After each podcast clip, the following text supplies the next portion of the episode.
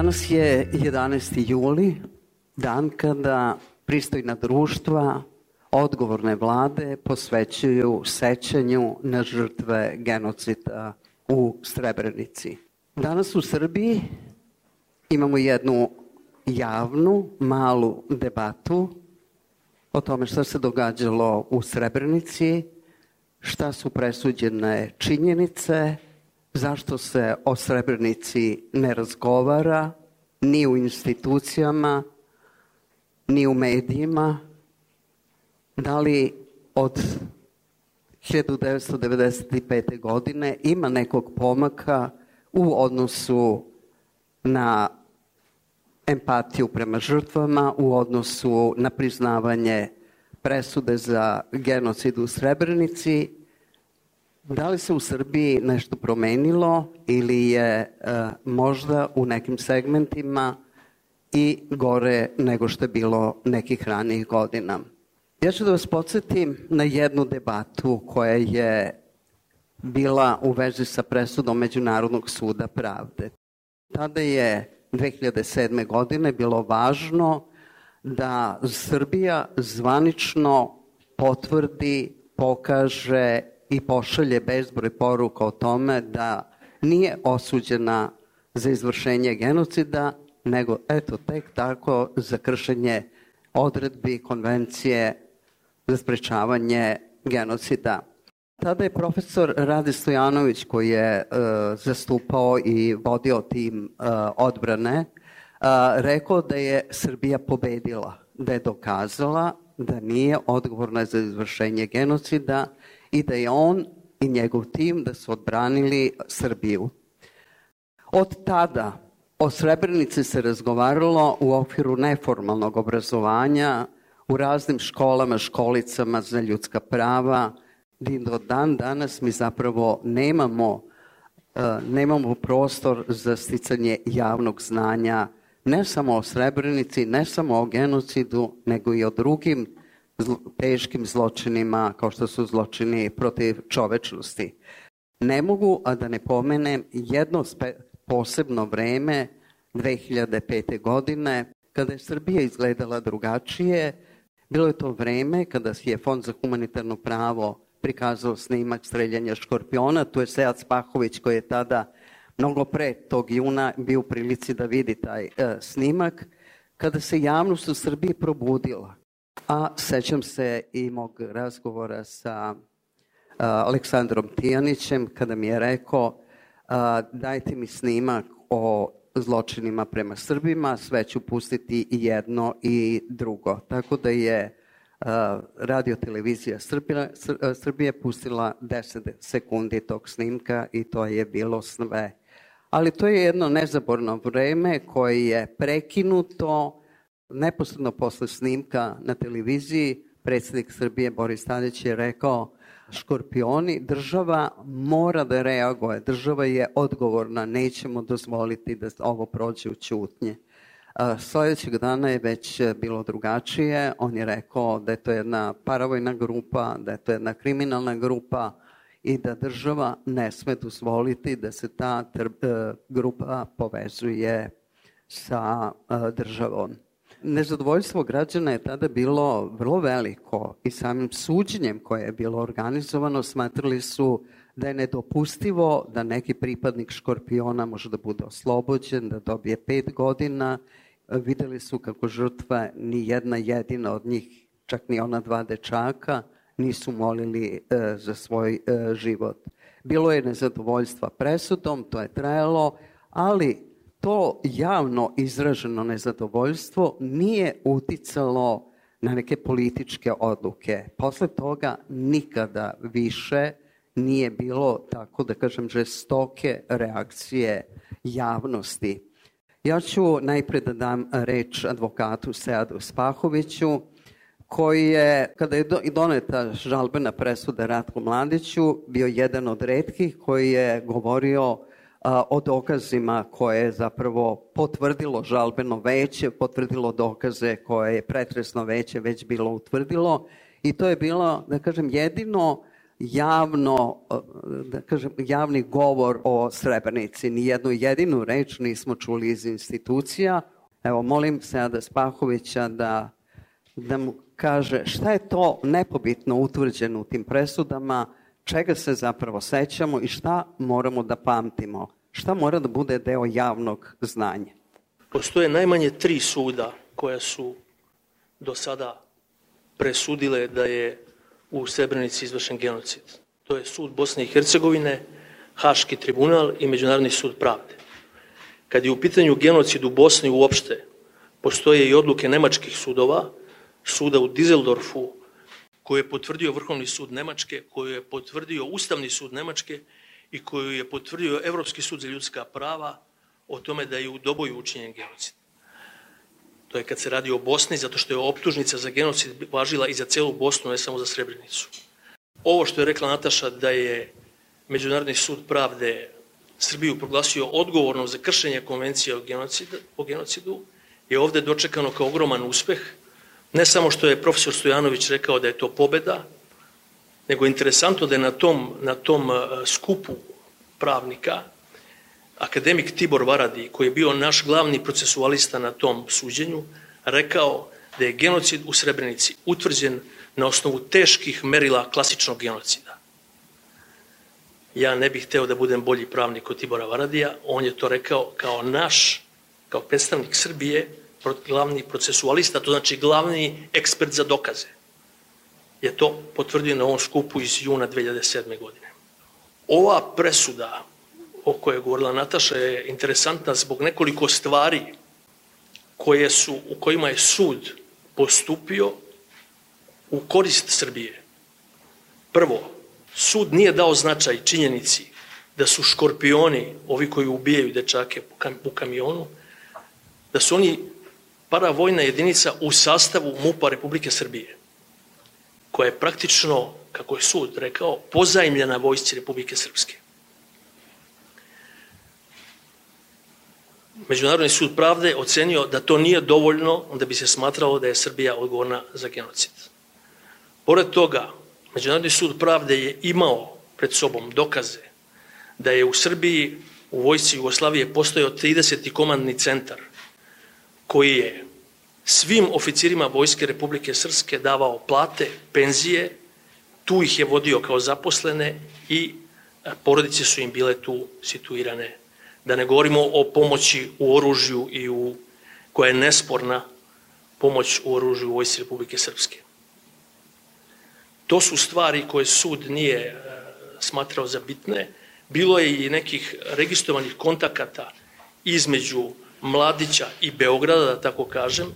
Bilo je poseta načelnika generalštaba Vojske Jugoslavije Mladiću 16. jula Bilo je, bio je sastanak Miloševića i Mladića u Karadžerđevu nakon Srebrenice kojima je prisustuo i Karl Bildt, još jedan oficir američki, ne mogu setiti kako se zove. E, e, dakle, bilo je mnogo dokaza da postoje indicije da je Srbija umešana, ali sud to nije prihvatio i mi moramo da prihvatimo sudsku odluku.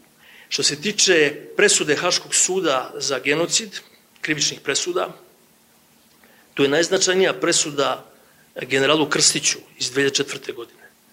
Značaj te presude je u tome što je u njoj raspravljena i utvrđena takozvana baza zločina. Ta baza zločina, događaj koji se odigrao u Srebrenici, je raspravljena u toj presudi i više nikada niko nije ozbiljno to doveo u pitanje. Šta se dogodilo u Srebrenici? Odbrana je insistirala na dva elementa. Prvi je da taj broj ubijenih ljudi ne ispunjava uslov da je to značajno za zaštićenu grupu i drugo da nema genocidne namere. Sve to je sud odgovorio u drugostepenoj odluci detaljno, ali ono na što je, što je veoma važno, da je u tom postupku general Krstić govorio, svedočio u svom predmetu i rekao je da ništa nije smeo da preduzme. Rekao je da ništa nije smeo da preduzme da spreči to jer se plaši od mladića. U tome je značaj presude generalu Krstiću. Na kraju je njemu smanjena kazna za 11 godina zato što je ocenjeno da je on pomagač, a ne sa izvršilac u genocidu. Osuđeni su za genocid još, osim Krstića, pukovnik Beara, Vujadin Popović, general Tolimir, Karadžić, Mladić i Momir Nikolić. U pet predmeta sudskih je utvrđen genocid u Srebrenici sa različitim krivcima. Ono što se ovde ne zna, to je šta je, na primer, rekao oficir za bezbednost koji se zove Momir Nikolić u svom iskazu. On je čovjek rekao da je 12. jula saznao od Vujadina Popovića, ovo koji je osuđen za genocid, da će svi muškarci biti pobijeni. Prema tome, taj plan je postojao. Dalje, u čemu je značaj presude generalu Krstiću? U tome što se u toj presudi, u dokaznom materijalu, pojavljuje transkript Skupštine Republike Srpske iz, iz maja 95. Karadžić izlaže strategiju u šest tačaka. Strategiju Republike Srpske. Na to Mladić ustaje, nakon što je Karadžić dobio veliki aplauz. Mladić ustaje i kaže, ljudi, ali to je genocid ako to uradimo. To kaže Vratko Mladić, Karadžiću. Nakon toga, pošto preovlađuje Karadžićeva struja, Mladić daje objašnjenje kako treba da se radi. I kaže, Sarajevo je glava Aždajina, nju ćemo da stavimo u obruč. Ne smemo javno da kažemo da ćemo isključiti vodu i struju, jer to diže Ameriku na noge. Nego će se oni jedan dan probuditi bez vode i struje, a mi ćemo reći, ovo je veoma važno, a mi ćemo reći, oni gađaju vodovod, oni gađaju struju, mi se trudimo da popravimo, ali ne možemo. Zbog čega vam ovo govorim? Zato što je ovaj modus operandi primenjen i u slučaju kad su gađane markale, jer ovde u Berdu svi misle da je armija BH gađala markale. I značajno zbog toga što se u drugostepenom postupku protiv Mladića pojavila teza koju je izneo njegov branilac na televiziji N1, to sam gledao svojim očima, da je 6000 bošnjaka, muslimana bosanskih, poubijeno u šumama oko Srebrenice u međusobnom sukobu. Znači oni su sami sebe poubijali, pa su onda sahranjeni ovamo gde je, gde je, bila, gde je bilo, ne znam, Potočari, Branjevo i tako dalje. Da se vratim na presudu Krstiću, pored ovoga iz juna 90, 92. pojavio se tu i e, prvi put Karadžićeva direktiva broj 7 o tome, o tome kako treba postupati prema bosanskim muslimanima, kako im treba stvarati nepodnošljive uslove život, osjećaj perspektivnosti i sve to što predstavlja fragment genocidnog plana. Na osnovu te direktive 7 je Mladić napravio direktivu 7 kroz 1 koja predstavlja vojno sprovođenje te taktike. Pazite, u žalbenom postupku, pored ove priče da su se pobili sami 6000 bosanskih muslimana u šumi, pored te priče, branilac je prigovorio Haškom sudu nekoliko stvari. Prvo, da sud nije cenio okolnost da Mladić nije bio u Srebrenici. To je vrlo interesantno, zato što se Mladić sliko u Srebrenici i rekao poklanjam Srebrenicu srpskom narodu. Pa ne samo što je rekao to, ali imao je u ruci Hekler, pa kaže a sad ćemo Turcima da se osvetimo od bune protiv Dahija za sve. Mladiću se ne stavlja na teret da je ubijao ljude lično, nego da je to naredio. Naj, e, slučaj, najklasičniji slučaj komandne odgovornosti je slučaj Jamašita iz, e, za, za, za razaranje Manile pred Tokijskim sudom. Taj Jamašita je bio 500 km od Manile, a odgovarao je za, za to što je razorena Manila. Znači, ne mora da bude tu. Iako je bio tu, ali evo, recimo, za naredbu da se ljudi streljaju, ne treba lično prisustvo.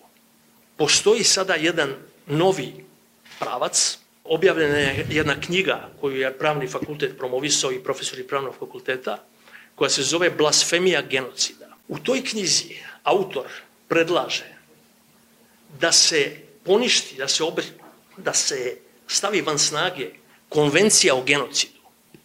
Jer zbog te konvencije o genocidu e, velike društvene grupe dolaze u sukob. Tako da bi bolje bilo da konvencije o genocidu nema i onda ne bi bilo nikakvih problema. U vezi sa ovom pričom, pošto se jako često čuje ovo što je rekla Nataša, daj mi srpske žrtve, postoji diskurs koji daje, taj, taj se argument zove tu kvokve, to je ono, a šta oni nama rade. Pazite, postoji priča, vrlo rasprostranjena, kako ovde se prikrivaju srpske žrtve, kako nikad nije niko odgovarao za, za genocid u Jasenovcu, što nisu optuženi za genocid u Jasenovcu, i ovo te Prvo, da razumete, za genocid nije optužen ni u Nimbergu niko, zato što tada nije postojala konvencija o, o, sprečavanju i zabrani genocida. To je doneto tek 48. Znači, ni Eichmann nije odgovarao za genocid, koji je pobio 14 miliona jevreja. To je pravno nemoguće. Tako ne može ni za Jasenovac da se odgovara za genocid. A što se tiče toga da nije niko odgovarao, odgovarao je, ja sam vidio svojim očima optužnicu protiv Ljube Miloša, upravnika logora u Jasenovcu. To je pod jedan. Pod dva, 99. u Zagrebu je osuđen Dinko Šakić. U jednom periodu bio i on upravnik logora u Jasenovcu. Ima nabrojano koje ljude čak i lično ubio. Prema tome nije tačno da nije niko odgovarao. Tokom svih ovih godina rađeno je nekoliko analiza koje zapravo pokazuju da je znanje mladih o činjenicama koje se tiču prošlosti veoma malo ili gotovo nikakvo. Kroz njihov obrazovni program, kroz njihovu osnovnu školu, istoriji se uglavnom pristupa etnocentrično, gde se samo zapravo obrađuju događaje koji se konkretno tiču većinskog naroda koji živi u Srbiji, odnosno Srba. I onda samo zamislite kada imate jednu mladu osobu koja celu uh, istoriju od, hajde da kažem, pre nove ere pa do danas izučava na jedan vrlo, vrlo temeljan način, onda kada dođemo do drugog svetskog rata i nešto novije istorije, jedina zapravo centralna tačka o kojoj oni imaju prilike da čitaju svojim učbenicima i da slušaju svojih profes, od, od svojih profesora jeste NATO bombardovanje.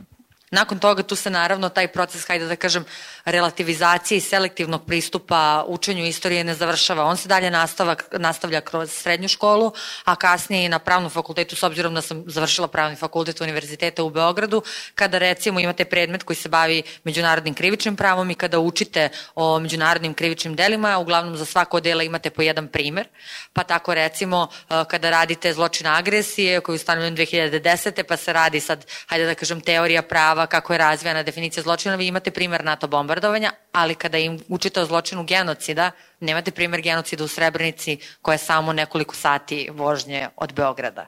Što negde jasno pokazuje da ne postoji volja niti, uh, hajde da kažem, u tom nekom, to je Sead zapravo već negde i pomenuo, niti u tom ekspertskom svetu, hajde da kažem pravno-naučnom, da se Srebrenica, da nam Srebrenica svima posluži kao jedan primer i da izučavamo na jedan uh, adekvatan i, i ekspertski način kako se nikome više ne bi ponovilo. Postoji jedan zanimljiv podatak sa kojim ne znam da ste bili upoznati, a to je da, na primer, kada pokušate da googlate Srebrenica je, na Google jedan od prve tri zapravo ponuđena odgovora će da vam se ponudi laž. Algoritmi su neumoljivi. Mi pričamo o novim generacijama rođenih posle 2000. godina. Ljudi koji su rođeni 2000. godine sada imaju 22 godine. To su generacije koje su u potpunosti digitalizovane. Mi se ne možemo praviti da činjenica da imamo internet znači da imamo pristup informacijama. Internet je samo alat.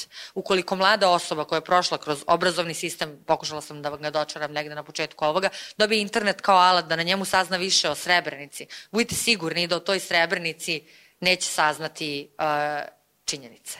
Negiranje je prisutno tokom svih prethodnih 27 godina, s tim što su se oblici možda ne smenjivali, ali pojavljivali su se novi, novi oblici negiranja koji danas, rekla bih, svi paralelno postoje. Nažalost, prvi, prvi nivo je to, to bukvalno poricanje. Dakle, poricanje da se, da se nešto uopšte desilo, odnosno da se desio zlo, da je to što se desilo zločin. To je jedno vreme bilo, bio dominantan oblik poricanja, danas nije, ali u to e, poricanje e, direktno, bukvalno poricanje, spada takođe i negiranje broja žrtava e, genocida u Srebrenici i njihovog statusa, odnosno toga da su oni imali status civila. Dakle, to je, to je prvi i nekako naj, najočigledniji nivo negiranja, negiranja genocida u Srebrenici. Drugi, koji je danas apsolutno dominantan, je negiranje pravne kvalifikacije. Dakle, da to nije genocid, ali danas većina uh, onih koji su na vlasti priznaje na neki način da se tamo eto desio zločin, ali nikako, nikako ne genocid. Dakle, drugi oblik je negiranje, uh, to, to se još zove negiranje tumačenja, dakle, negiranje pravne, pravne kvalifikacije zločina. Treći oblik je negiranje toga da drž Republika Srbija ima bilo kakve veze sa tim i to je nekako najvidljivije u slučaju Škorpiona. Prva reakcija, kao, što, kao što već rečeno, je bilo da, da je to, da, da Srbija mora da se odredi prema tome, jer su Škorpioni prosto jedinica pod kontrolom službe državne bezbednosti, međutim već, već sledeća reakcija je bilo distanciranje od, od Škorpiona, insistiranje da su oni tamo neka kriminalna grupa koja nema nikakve veze uh, sa državom i sa njenim organima i da je zato uh, po svaku cenu taj zločin mora da se individualizuje jer drugačije će uh, svi građani Srbije biti proglašeni krivima za to. Dakle, to, treći nivo je u stvari ta, to insistiranje na individualizaciji zločina i na tome da država nema nikakve veze sa tim. A mislim da je očigledno da zločin tih razmera ne može da sprovede nikakva kriminalna grupa i da za to, to je prosto zločin za koji je neophodna državna logistika i državna organizacija. Četvrti vid je relativizacija. Kad god neko pomene genocid, pomenju se drugi zločini, odnosno zločini, zločini prema Srbima uz vrlo jasnu implikaciju da su ti zločini prema Sr u kojima su Srb, etnički Srbi žrtve, da su to strašni i veći zločini. Dakle, to je ono u narodnu poznato, a šta su oni nama radili. Od početka uh, sadašnjeg režima, u poslednjih deset godina, se pojavljuje Uh, ja sam primetila jedan novi, novi oblik uh, bukvalnog poricanja, dakle poricanja činjenica, a to je poricanje da presude za genocid uopšte postoje.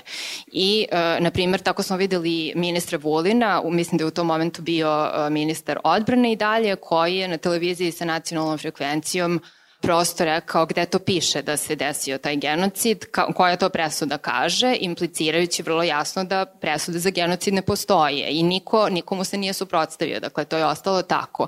Isto i Tomislav Nikolić dok je bio, dok je bio predsednik tvrdio da se genocid u Srebrenici nije dogodio jer genocid je neophodno dokazati pred sudom, a to je jako teško, što je opet jasna implikacija da to nikada nije učinjeno, iako jeste. Tada su već postojale, postojale više, više presuda za genocid u Srebrenici ljudi koji poriču genocid tvrde da bi priznanje genocida značilo da su Srbi genocidni narod. A to, e, to je bukvalno nešto što su oni izmislili.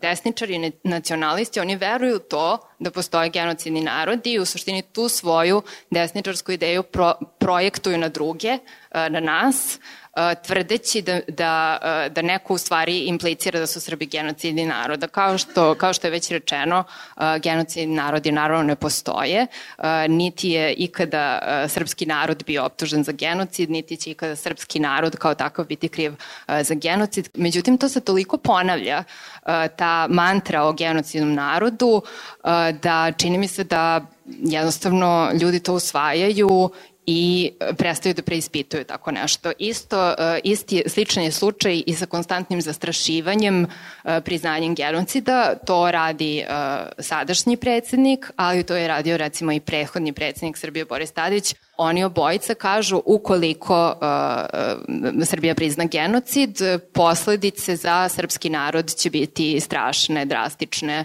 Međutim, oni uopšte ne pričaju o tome šta su te drastične i strašne posledice. Dakle, u suštini je to klasično, uh, klasično zastrašivanje. Kreiranje tih nacionalnih mitova, to se sve finansira iz državnog budžeta. Dakle, uh, mi svi uh, finansiramo državni narativ o prošlosti koji je po samoj svojoj prirodi neuporedivo jači, jer se on on se širi kroz, kroz sve ideološke aparate, pre svega kroz, kroz obrazovni sistem i kroz medije koji su u potpunosti, u potpunosti pod kontrolom države. I mislim da je tu moć civilnog društva uh, užasno ograničena, jer uh, ti uh, alternativni obrazovni programi koje, koje mi organizujemo, uh, oni nemaju ni blizu dovoljan domet da bi, da bi napravili neku promenu. Dakle, to je, to je potpuno neuporedivo sa sa zvaničim, zvaničim obrazovanjem u kojem, u kojem nema ni reči o, o, o činjenicama i o ovome o čemu, o čemu mi konstantno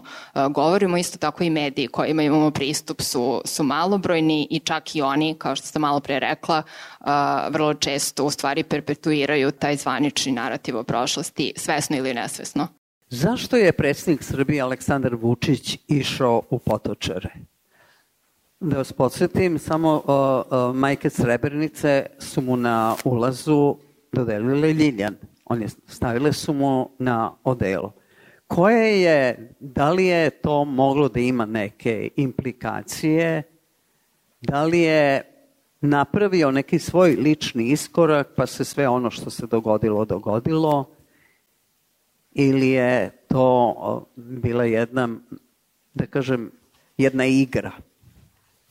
Ja, mi, ja mislim da nije napravio lični iskorak, a iz epiloga i događaja koji je pratio tu njegovu posetu, napravio je kontra kampanju i kontra marketing i predstavio sebe kao žrtvu i kao neku dobronamernu osobu koja je htela da ode da izjavi saučešće, jel te, za taj strašan i stravičan zločin kako ga i on definiše, a nikako genocid, ali niko ga nije nikad ni pitao, ni njega, ni sve te druge koji negiraju da je genocid, sa argumentom da ćemo postati genocida narod, da li to znači da smo mi sada u toj argumentaciji njihovoj strašan zločinački narod? Ja sam iskoro čuo ministra Vulina kada je govorio o tom srpskom svetu, famoznom, da je tražio, još uvek traži, e, da istraže instituciju BiH koja je to pokušao atentat na Vučića tokom te posete, tako da on ne želi e, uopšte da diskutuje na tu temu, a kamoli da, da nešto... On je e, inicijalno, po mom mišljenju, imao oportun razlog zašto je otišao da se predstavi međunarodnoj zajednici kao osoba koja može da ode E, na jednu od komemoracija i to je sve. A iz epiloga je izvuko dodatne koristi unutar srpskog društva. U Srbiji je glavni problem u tome što je Miloševićeva vlast, kao i sada Vučićeva vlast, legitimna. Ovde je glavni problem u legitimitetu. Milošević je imao 3,5 miliona glasova. Kad je izgubio prvu rundu izbora, imao je 2 miliona glasova. To je bilo pet godina nakon Srebrenice. Rekao je Srđa Popović da je to 2 miliona aplauza za genocid. I Vučić danas ima najmanje toliko glasova koliko je ovaj, Milošević imao u prvoj rundi, u prvom krugu izbora. Prema tome, ovde se radi o legitimitetu i zato ne može da prođe ova priča o kojoj mi govorimo. Nikad su u pitanju činjenice. Gledajte ovu stvar. Na Pravnom fakultetu u Beogradu evropske integracije predaje profesor koji sam za sebe kaže da je protiv ulaska Srbije u Evropsku uniju, a predaje evropske integracije, ne priznaje odluke Haškog suda, ne, znači ne priznaje Haški sud, i kaže da njegova partija neće da ima nikakve veze ni sa kim ko priznaje genocid u Srebrenici. Zašto su svi koji su uhvaćeni streljani? Zašto niko nije pošteđen? Ima ih koji su preživali streljanje. Ima ih koji su ispod leševa izašli. Ali nema niko da je pušten. Nema ratnog zarobljenika. Ne, ne, ne, niko nema ko je uhvaćen da je pušten. Niko. Ni jedan. To je prvo pitanje za ove profesore i za ove intelektualce i za ove docente sa Sorbone da to odgovore. To je prvo pitanje. Drugo pitanje je što ste prekopavali leševe i grobnice? Što ste pravili sekundarne grobnice? Što hiljade ljudi, stotine kamiona, autobusa, bagera, dozera, koje kakih građevinskih mašina, mehanizacije, firmi, Što svi radite na tome da prekopavate leševe? Zbog čega? Eto, to su dva pitanja na koje oni ne mogu da odgovore nikad. Htela sam još da kažem, ako mogu, za, za Vučićevu posetu potrčarima, čini mi se da je to u stvari korak unazad, jer od tada, od te njegove posete, datum 11. jul, tabloidi koji su pod kontrolom vlasti u Srbiji obeležavaju kao godišnicu atentata, verovali ili ne, dakle kao godišnicu pokuš, pokušaja ubistva Aleksandra Vučića. I to je jedan poseban vid poniženja žrtava genocida, jer to se ističe u prvi plan uh, o, o godišnjici genocida se, uh, se uopšte ne govori, tako da, da to ne samo da nije bio korak napred, nego čini mi se da je bio uh, korak nazad. Thank you.